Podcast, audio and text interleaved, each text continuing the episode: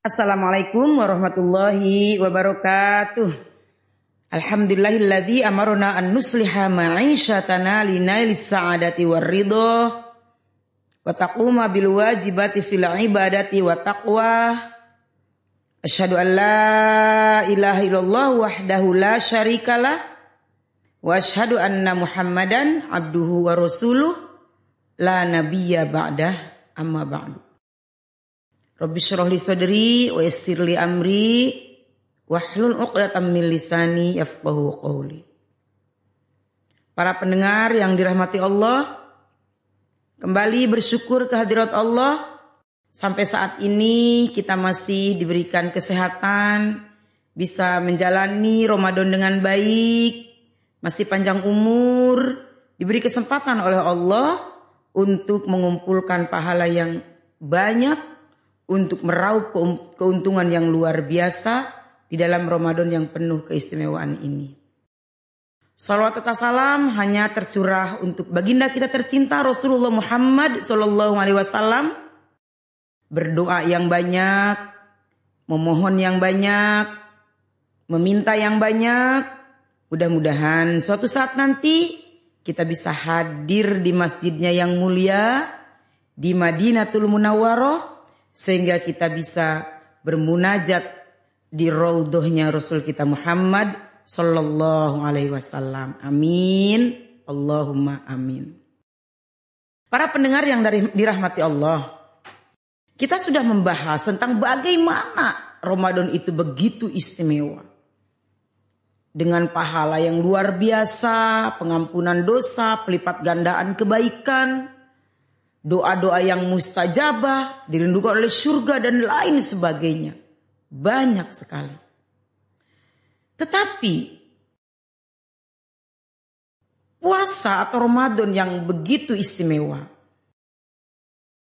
akan hancur, akan lebur, akan luntur, akan kabur, tak bermakna apa-apa jika setiap ibadah yang kita lakukan itu kita tempeli dengan virus yang namanya ria. Ria. R I Y A, ria. Bukan ria-ria itu. Ria ini ria itu bukan ria. Apa sih ria? Ria adalah melakukan suatu ibadah bukan karena Allah. Tetapi ada maksud ingin dilihat. Jadi ria itu arti harfiahnya roa, ingin dilihat. Ingin dilihat atau mengharapkan pujian dari siapa? Dari makhluk. Bukan dari Allah. Seyogianya setiap amal yang kita lakukan itu Fokus hanya untuk Allah. Lurus lillahi rabbil alamin. La syarika lahu wa bidzalika umirtu wa ana awwalul muslimin. Fokus lurus hanya untuk Allah memelihara alam semesta. Aku tidak menyekutukan dengan apa pun. Dan aku adalah orang yang pertama berserah diri pada Allah. Ketika kita melakukan satu ibadah, amal ibadah mengharap ujian, ingin dilihat oleh orang lain, ingin disanjung oleh makhluk lain, artinya saat itu kita sedang menyekutukan Allah. Menyekutukan Allah. Inna akhwafa ma alaikum asyirkul asghar kata Rasulullah. Sesungguhnya sesuatu yang menakutkan yang paling aku takuti terhadap kalian hei umatku adalah syirik kecil. Qalu ya Rasulullah wa masyirkul asghar. Para sahabat bertanya, "Ya Rasul, apa sih syirik kecil, syirkul asghar?" Qala arya. Rasul menjawab, Syirkul asghar ay arya. Syirik kecil adalah ria. Ya. Yaqulullahu lahum yauma yujazi yujazil ibad bi amalihim. Allah akan berkata kepada mereka pada hari pembalasan-pembalasan amal-amal terhadap hamba. Idhabu ala ladina kuntum turauna fid dunya. Kata Allah, Ketika kita nanti minta balasan kepada Allah pada hari kiamat nanti, pada hari pembalasan, pembalasan amal dari hamba. Ya Allah, aku kan dulu rajin taraweh. Aku dulu rajin tadarus. Aku dulu rajin uh, sedekah. Aku rajin ini, rajin itu. Kita minta balasan sama Allah. Kata Allah, Idhabu ala ladhina kuntum eh, turauna fid dunya. Dulu kalian melakukan itu untuk siapa? Kalau untuk aku pasti aku balas. Dulu kalian taraweh karena siapa? iya sih, pengen dilihat itu tuh sama itu tuh yang rumahnya deket masjid. Silakan idhabu alladzina kuntum turauna fid dunya. Silakan kalian pergi kepada orang-orang yang dulu kalian meriakkan amal kalian kepada mereka. Silakan. Minta pahala tadarus, minta pahala sedekah. Tapi karena waktu melakukannya di dunia itu, mengharap pujian, mengharap dicatat, mengharap diumumkan, mengharap ah banyak. Allah angkat tangan. Bahkan kata Allah, "Idhabu 'alal ladzina kuntum turauna fid dunya." Kalian dulu meriakkan amal ibadah kalian untuk siapa? Silakan kalian pergi ke sana. Silakan kalian minta kepada orang tersebut. Fangzuru hal tajiduna indahum jazaa. Kalian lihat nanti. Apakah kalian akan mendapatkan balasan di sisi mereka? Lihat. Apa kalian akan memperoleh keuntungan dari apa yang kalian riakkan terhadap mereka? Tidak. Tidak. Bahkan ketika kita melakukan ria di dalam amalan-amalan ibadah kita, Sholatnya, puasanya, tadarusnya, tarawehnya, zakatnya, sedekahnya, infaknya, semuanya, silaturahimnya. Kita niat, kita niatkan karena ingin dipuji orang, kita niatkan karena pengen di alam, pengen disanjung, pengen disebut-sebut. Allah mengecam di surat Al-Baqarah ayat 264. أعوذ بالله من الشيطان الرجيم بسم الله الرحمن الرحيم يا أيها الذين آمنوا لا تبطلوا صدقاتكم بالمن والأذى كالذي ينفق ماله رئاء الناس ولا يؤمن بالله واليوم الآخر. فمثله كمثل صفوان عليه تراب. فمثله كمثل صفوان عليه تراب فأصابه وابل فتركه صلدا. لا يقدرون على شيء مما كسبوا. Wallahu la yahdil qawmal kafirin.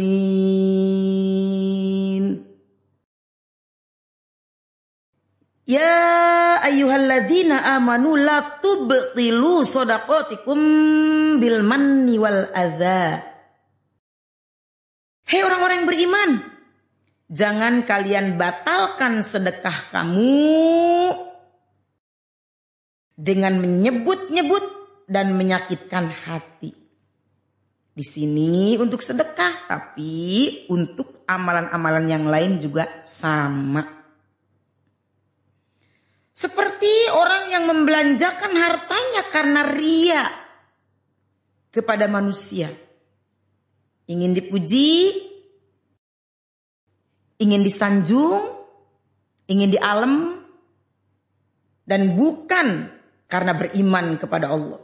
Dan dia tidak beriman kepada Allah dan hari kemudian. Maka perumpamaannya seperti batu licin yang di atasnya tanah. Lalu hujan lebat menimpanya. Maka ia menjadi bersih. Mereka tidak menguasai atau tidak memperoleh sesuatu pun dari apa yang mereka usahakan dan Allah tidak memberi petunjuk kepada kaum yang kafir. Jadi perumpamaan orang ria itu kama salis sofwanin alaihi turabun fasabahu wabilung fatarakahu solda la yaqdiruna ala syai'im mimma kasabu.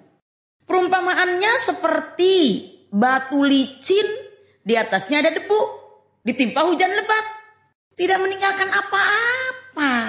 Tidak ada catatannya sama sekali. Tidak ada catatannya sama sekali. Licin, hilang. Itu perumpamaan orang yang ria. Perumpamaan orang yang ingin dipuji. Perumpamaan orang yang ingin dialam dalam melakukan setiap amal. Bukan lillahi ta'ala tapi karena si A, si B. Untuk golongan ini, golongan itu. Untuk kelompok ini, kelompok itu. Akhirnya dia akan memperoleh balasan yang sia-sia di hadapan Allah subhanahu wa ta'ala. Fatarokahu solda layak diruna ala syai'in. Licin. Tidak memperoleh apa-apa. Na'udzubillah min dalik. Sayang. Bagaikan air di daun keladi. Nah, ya. Itu. Air di daun keladi. Biar kuncur, uh, biarpun ngucurnya banyak. Hmm. Fatarokau solda layak diruna syai'a. Enggak meninggalkan apa-apa. Bersih licin. Hmm, itu para pendengar sekalian. Pendengar yang dirahmati oleh Allah, ketika seseorang melakukan satu amal, itu pasti tidak luput dari empat keadaan. Tidak luput dari empat keadaan. Ada keadaan yang pertama, seseorang beramal karena ria. Tadi sudah disebut di Al-Baqarah ayat 264 Fatarokahu solda layak kediruna ala syai'im mimma kasabu. Ibadahnya sia-sia. Tidak akan mendapatkan apa pun. Itu keadaan yang pertama. Yang kedua, awalnya sih fokus. Awalnya sih lillahi ta'ala. Awalnya sih lillah. Awalnya sih ikhlas. Eh, di tengah jalan, di tengah amalnya muncul rasa ria muncul rasa ingin dipuji. Mungkin eh muncul rasa ingin di alam. Jadi mungkin itu kepleset. Dari rumah mau taraweh berangkat lillahi ta'ala. Pokoknya niat bener-bener lillahi ta'ala. Eh di tengah jalan ada orang ganteng. Aduh orang ganteng lewat. ada orang ganteng lewat. Ah jadi berubah niatnya. Aduh, jadi pengen di alam nih sama orang ganteng. Aduh. Bagaimana itu? Langsung rubah lagi. Langsung luruskan niat lagi. Jangan sampai niat kita yang dari awal tadi lillah dirusak di tengah jalan oleh sesuatu hal.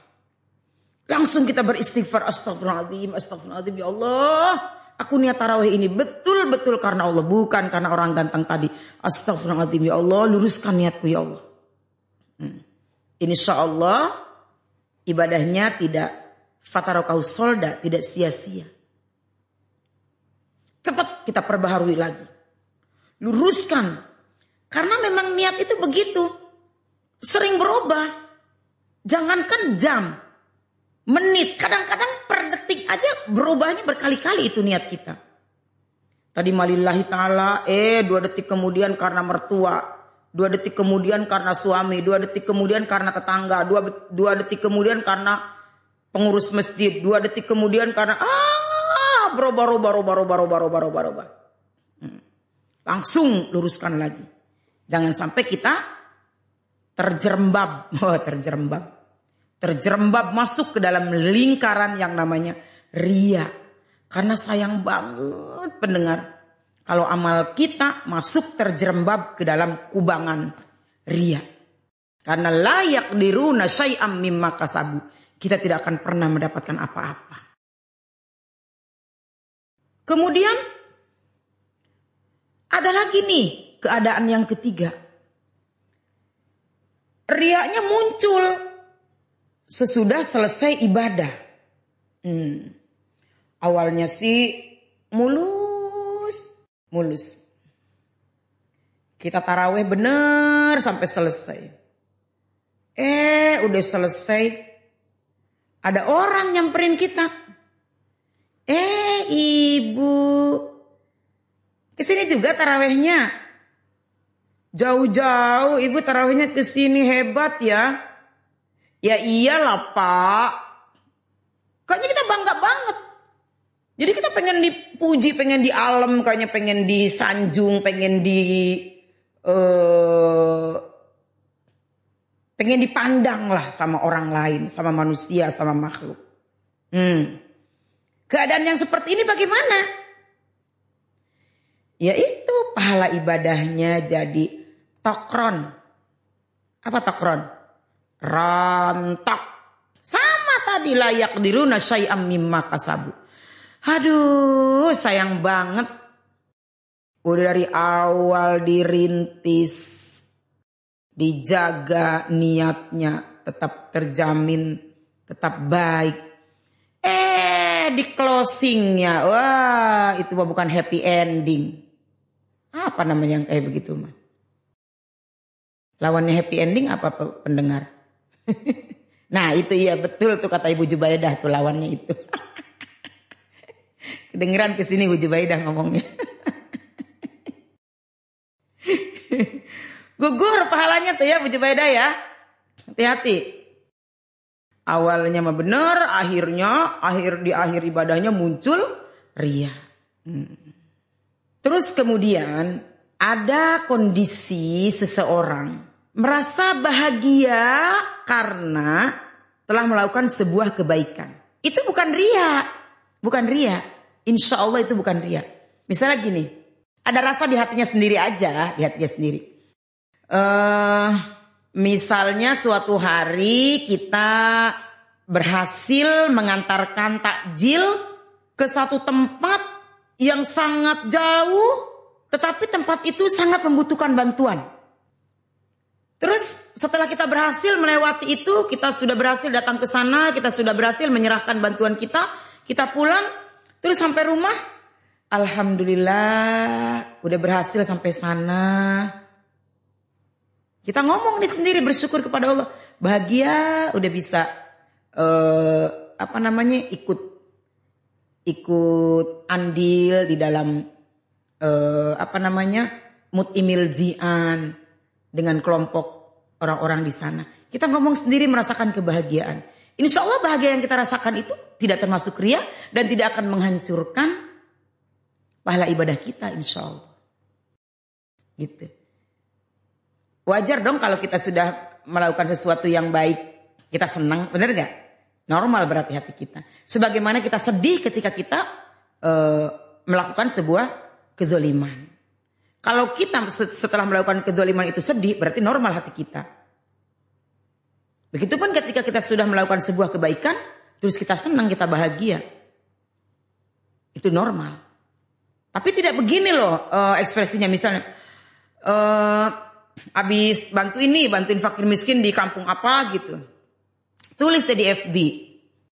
Alhamdulillah ya, hari ini bisa juga ngebantuin para duafa di kampung Anu. Eh, kalau itu mah kan dibaca sama orang. Kan beda kan kondisinya dengan tadi kita ngomong sendiri. Gitu. Beda nggak? Pak Tono? Beda nggak Pak Tono? Potongan diem aja nih. Beda ya? Iya, jadi beda. Itu. Jadi itulah empat kondisi atau empat keadaan eh, ketika seseorang beramal. Terus bagaimana kalau kita melakukan sebuah ibadah, kita melakukan sebuah kebaikan, apa pun itu bentuknya, apa pun itu wujudnya. Terus ada orang yang memuji kita. Misalnya kita sudah membantu duafa, membantu fakir miskin, kita sudah menyerahkan sedekah kita, menyerahkan zakat kita, kepada satu lembaga, kepada satu yayasan, kepada satu kelompok atau kepada orang per orang. Terus ada orang yang memuji. Subhanallah, Ibu. Hebat banget bisa melakukan kebaikan seperti itu di tengah kesulitan hidup yang yang ibu rasakan saat ini, tapi ibu masih tetap bisa berbagi dengan orang lain. Ada orang yang memuji kita seperti itu. Apa itu gugur nanti pahala kita? Apa gugur nanti ibadah kita? Insya Allah itu tidak, tidak gugur. Kita nggak nggak minta dipuji kok sama dia. Kita mah melakukan uh, kebaikan, lakukan aja. Eh ternyata ada orang yang mengapresiasi. Ada orang yang uh, ngasih uh, applause, beri tepukan yang gemuruh, ngasih pujian sama kita. Kita nggak minta kok dipuji. Nah, insya Allah itu tidak akan menghancurkan pahala kebaikan yang sudah kita lakukan tadi. Pujian orang lain terhadap kebaikan yang kita lakukan itu merupakan kabar gembira yang disegerakan. Kabar gembira. Bukan, bukan termasuk ria. Dan insya Allah pahala kita akan tetap terjaga. Pahala kita akan tetap ada.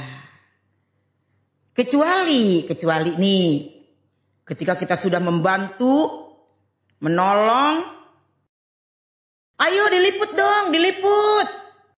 Nanti kan bisa disiarin nih, bisa di uh, share, bisa di share videonya, bisa ditayangkan, diliput. Hmm. Itu kan kepengenan kita itu mah. Kepengenan kita itu mah. Ya. Berarti kita masuk itu dalam kategori ria. Kita udah ngumpet-ngumpet nih beramalnya. Ternyata ada orang yang tahu. Ternyata orang itu uh, mengucapkan terima kasih, mengapresiasi pekerjaan kita dan lain sebagainya. Ya, insya Allah itu tidak termasuk ria. Ya. Jelas pendengar? Eh, pemirsa, emangnya ke kelihatan ya. Pendengar yang dirahmati Allah. Karena ria itu merupakan satu virus yang sangat halus tapi mampu memangsa tebelnya pahala amal kita, mampu memangsa, memberangus hebatnya pahala kebaikan kita. Makanya usahakan jauhi riak. Tapi kalau yang istrinya ria, jangan dijauhi. Nanti marah istri bapak. Maaf ya Bu Ria ya. Ada Bu Ria lagi ngedengerin ya. Maaf Bu, saya nggak lagi ngomongin ibu. Bagaimana cara menjauhi ria nih pendengar sekalian yang dirahmati Allah supaya pahala kita full bulat utuh jaga dan kontrol terus keikhlasan kita pada Allah. Tadi di awal kita sudah singgung, niat dari awal itu harus dijaga. Lewat pikiran kita, lewat hati kita, dikontrol. Aduh, jangan belok niat, jangan belok niat. Aduh, meleng sedikit, niatnya belok. Lalai sedikit, niatnya anjlok. Waduh, jaga dan kontrol terus kehilasan kita hanya kepada Allah. Lillahi Rabbil Alamin. Hanya untuk Allah, bukan untuk siapa pun. Kalau agak mau belok dikit, astagfirullahaladzim ya Allah, luruskan niatku ya Allah, luruskan niatku ya Allah, luruskan niatku ya Allah. Hmm. Harus selalu menjaga dan mengontrol keikhlasan. Hanya mencari ridho Allah. Kalau Sufyan Ats-Tsauri mengatakan, kata beliau, tidak pernah aku mengobati sesuatu yang lebih berat daripada mengobati niat. Benar. Benar.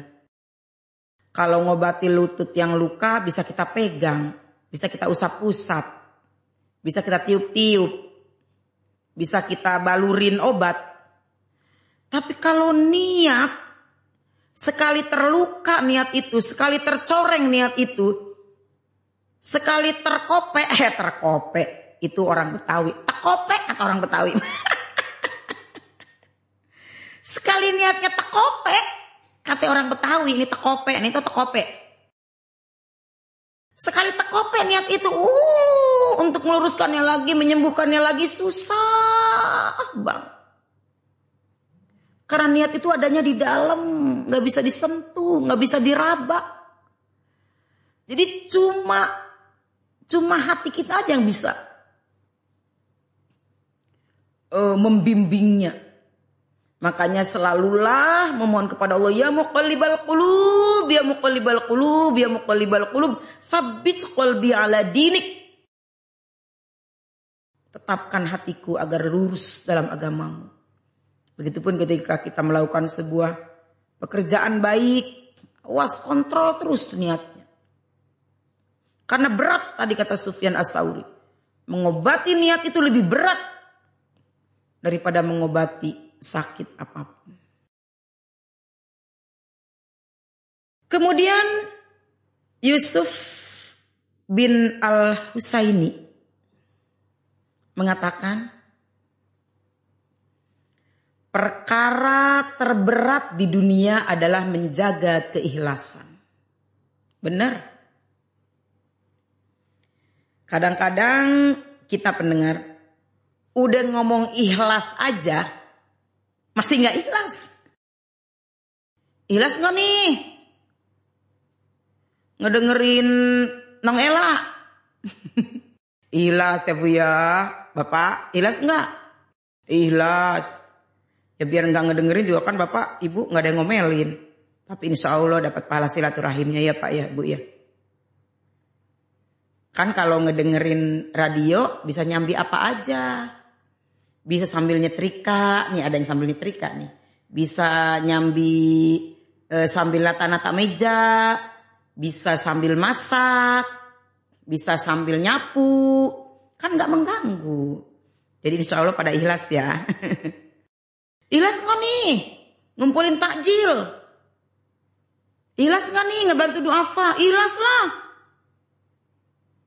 Kadang-kadang ikhlas loh, tapi sambil marah. Menjaga keikhlasan itu susah banget, emang susah banget susah. Itu tadi harus dikontrol terus, kontrol terus. Karena tidak nampak. Tidak nampak. Jadi insya Allah supaya jauh dari ria, keikhlasan kita dikontrol. Tidak karena apa pun, bukan karena siapa pun, Tidak juga karena golongan apa pun, kelompok mana pun. Tidak. Hanya lurus.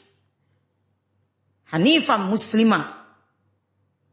Lurus berserah diri. Hanya untuk mencari keredoan Allah subhanahu wa ta'ala. Terus bagaimana lagi para pendengar agar kita jauh dari ria? Tentunya kita juga harus banyak berdoa kepada Allah Subhanahu wa taala agar kita dijauhkan dari penyakit ria. Jangan menganggap sepele doa loh, Bu, Bapak. Doa itu senjatanya orang mukmin. Doa itu senjatanya orang mukmin. Doa itu sumsumnya ibadah. Jadi buat kita orang mukmin doa itu penting. Doa itu bagian dari kesuksesan. Doa itu bagian dari kesembuhan. Doa itu bagian dari kehebatan. Doa itu bagian dari kemuliaan. Berdoa, doa, doa, doa. Untuk itu, supaya kita dijauhkan dari riak pun, kita hendaknya mohon kepada pemilik hati yang selalu membolak-balikan hati kita. Berdoa kepada Allah. Doa untuk diselamatkan dari ria. Allahumma inni a'udzubika an usyrika bika wa ana a'lamu wa astaghfiruka lima. La. A'lam. Ayo diulang ya. Biar hafal. Yang mau nulis boleh nulis. Allahumma inni. Ayo. Allahumma inni. A'udzubika a'udzubika an usyrika. An usyrika bika. Bika. Wa ana a'lamu. Wa ana a'lamu. Wa astaghfiruka.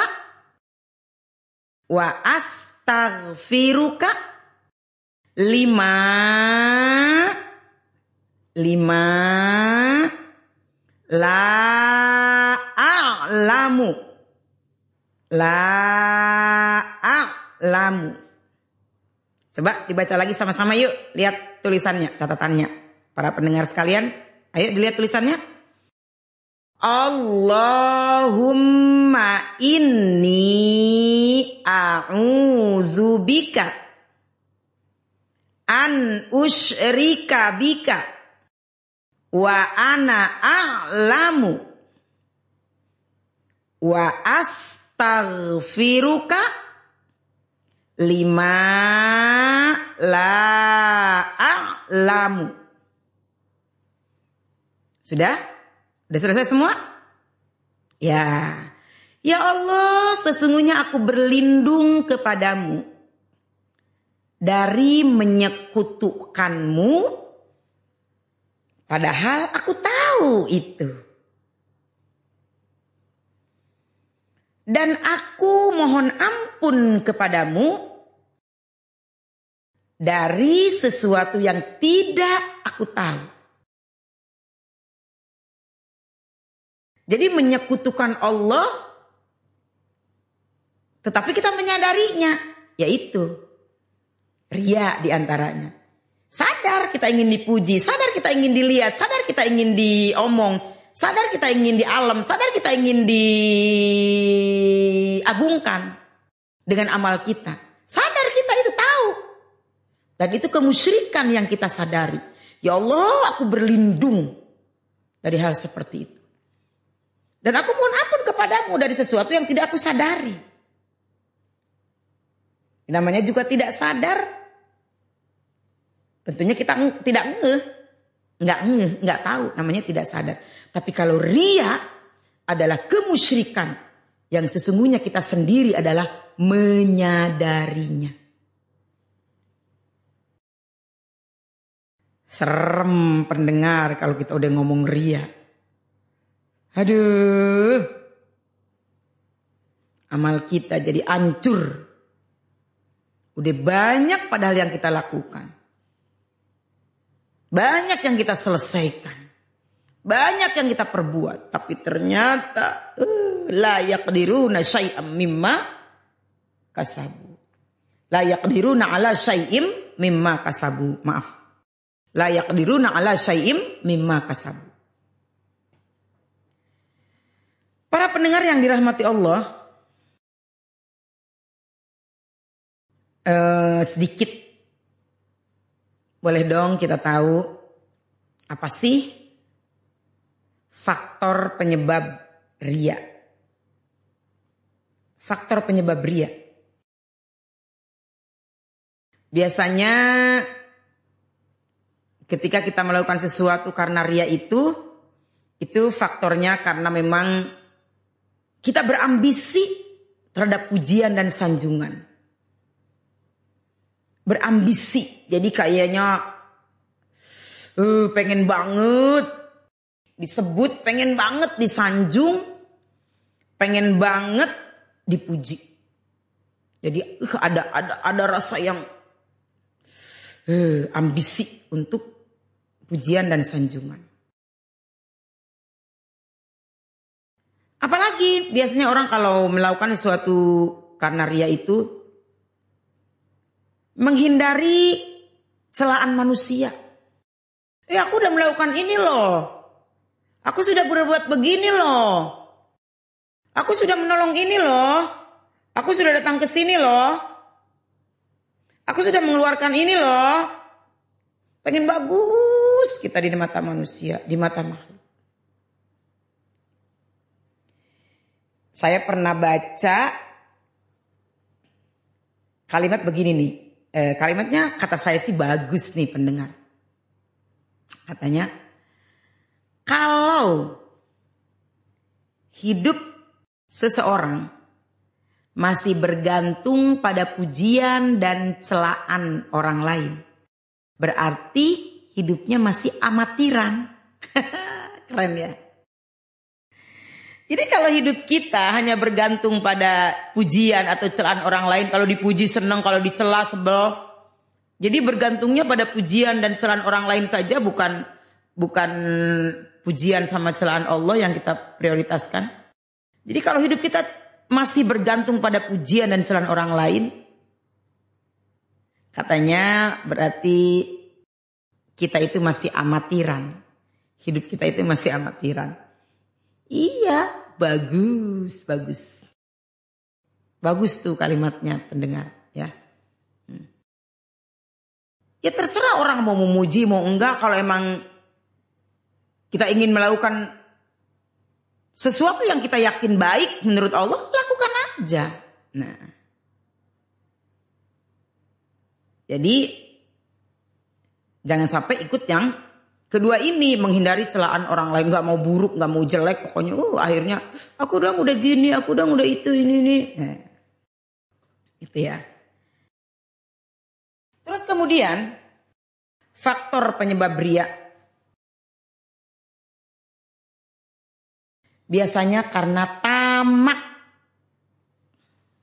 Tamak apa sih? Rakus. Tamak itu rakus. Orang yang rakus itu ya senangnya itu. Senangnya pujian, senangnya sanjungan, nggak peduli dia. Uh, itu terlarang, itu uh, itu bagaimana bagaimana pokoknya nggak peduli tamak, rakus. Dan mudah-mudahan dengan mengetahui faktor penyebab ria kita bisa menghindarinya supaya kita tidak terjerumus ke dalam ria itu. Ya. Nah, para pendengar yang dirahmati Allah, sebagai manusia biasa yang ingin amal kita terhindar dari ria. Ingat bahwa dampak negatif bagi pelaku ria itu akan diazab di hari kiamat oleh Allah Subhanahu wa taala. Karena kosong nilai kebaikan kita. Ngapain aja waktu di dunia? Oh aku kan melakukan ini, melakukan itu. Tapi mana buktinya? Kenapa engkau melakukan itu bukan karena aku? Karena kosongnya amal, rekeningnya zong, hmm, akhirnya azab yang diterima. Allah juga murka karena dia telah menyekutukan. Kita aja diduakan marah bu, benar nggak bu? Suami kita menganggap ada yang lebih cinta selain cinta kita. Wah, marah kita. Suami kita menganggap ada yang lebih bahenol selain kita. Wah, marah kita. Suami kita menganggap ada yang lebih cantik dibanding kita. Wah, marah kita. Walaupun kenyataannya iya. Diduakan itu nggak enak, Bu. Wajar kalau murka kita. Ya Allah diduakan. Hmm. Wajar pula kalau Allah akan mengazab orang yang menduakannya itu. Kemudian nanti Allah akan balas juga untuk pelaku ria.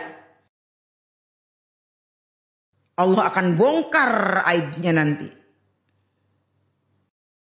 Kata Rasulullah, man samma'a sama Allahu bihi wa man yaroi yaroillah. Siapa yang sum'ah pengen disebut-sebut Allah akan sum'ahkan dia. Ya, Allah akan memperdengarkan aibnya di akhirat. Dan barang siapa ria, ingin kelihatan, ingin dipuji, uh, menonton-nontonkan kebaikannya, Allah akan tontonkan aibnya nanti di di akhirat. Na'udzubillah min dalik. Apa yang bisa kita sembunyikan, sembunyikanlah. Walaupun memang dalam kenyataannya ada amal-amal yang tidak bisa kita sembunyikan. Ada yang harus syiar gitu. Ya. Tapi semaksimal mungkin, berusaha semaksimal mungkin untuk menyembunyikan dan merahasiakan amal kebaikan yang memang bisa disembunyikan yang memang bisa dirahasiakan. Seperti kurban, nggak bisa disembunyikan, dirahasiakan. Emang itu termasuk syiar. Pergi haji, ya tadi, e, di awal kemarin-kemarin kita sudah bahas ada orang berangkat pergi haji yang ngiringin 10 emang ketahuan begitu yang pergi haji mah. Itu mah min syairillah. Inna sofa wal marwa min syairillah. Faman hajjal bait awi yang tamara fala junaha alaihi an yatawafa bihima. Faman tatawwa khairan fa innallaha syakirun alim. Itu min syairillah, syiar. Nggak bisa sembunyi-sembunyi, kelihatan. Nah. Tapi kalau ada amal-amal yang bisa kita sembunyikan, kita rahasiakan, sekuat mungkin kita sembunyikan, kita rahasiakan. Terus kemudian yang terakhir, supaya kita terhindar dari dia kita singkirkan penyebab penyebab-penyebab yang bisa menjadikan kita ria. Yang terakhir, jangan memperdulikan atau jangan terpengaruh oleh pujian dan celaan manusia. Buat kita sebagai manusia yang profesional di dalam beribadah dan mengabdi kepada Allah, nggak penting pujian manusia, nggak penting celaan manusia, nggak penting anggapan makhluk. Yang paling kita pentingkan adalah bagaimana anggapan Allah, bagaimana pandangan Allah, bagaimana penilaian Allah terhadap kita. Insya Allah itu akan meluruskan niat kita kepada Allah. Billahi Rabbil Alamin. Itu yang bisa saya sampaikan eh, hari ini. Mudah-mudahan bermanfaat dan insya Allah kita akan senantiasa dijauhkan dari rasa ria dan sum'ah sehingga amal ibadah kita akan menjadi amalan yang bulat berpahala di mata Allah Subhanahu wa taala yang akan kita jemput nanti pahalanya di hadapan Allah Subhanahu wa taala, pahala yang akan memenuhi rekening-rekening kebaikan dan ketika kita mempertanggungjawabkannya di hadapan Allah, kita akan e, bisa menuai semuanya dengan baik, dengan utuh. Mudah-mudahan dengan doa yang kita dapatkan tadi kita terus baca, baca, baca, baca sehingga ria akan terhindar dari diri kita. Terima kasih, mohon maaf. Assalamualaikum warahmatullahi wabarakatuh.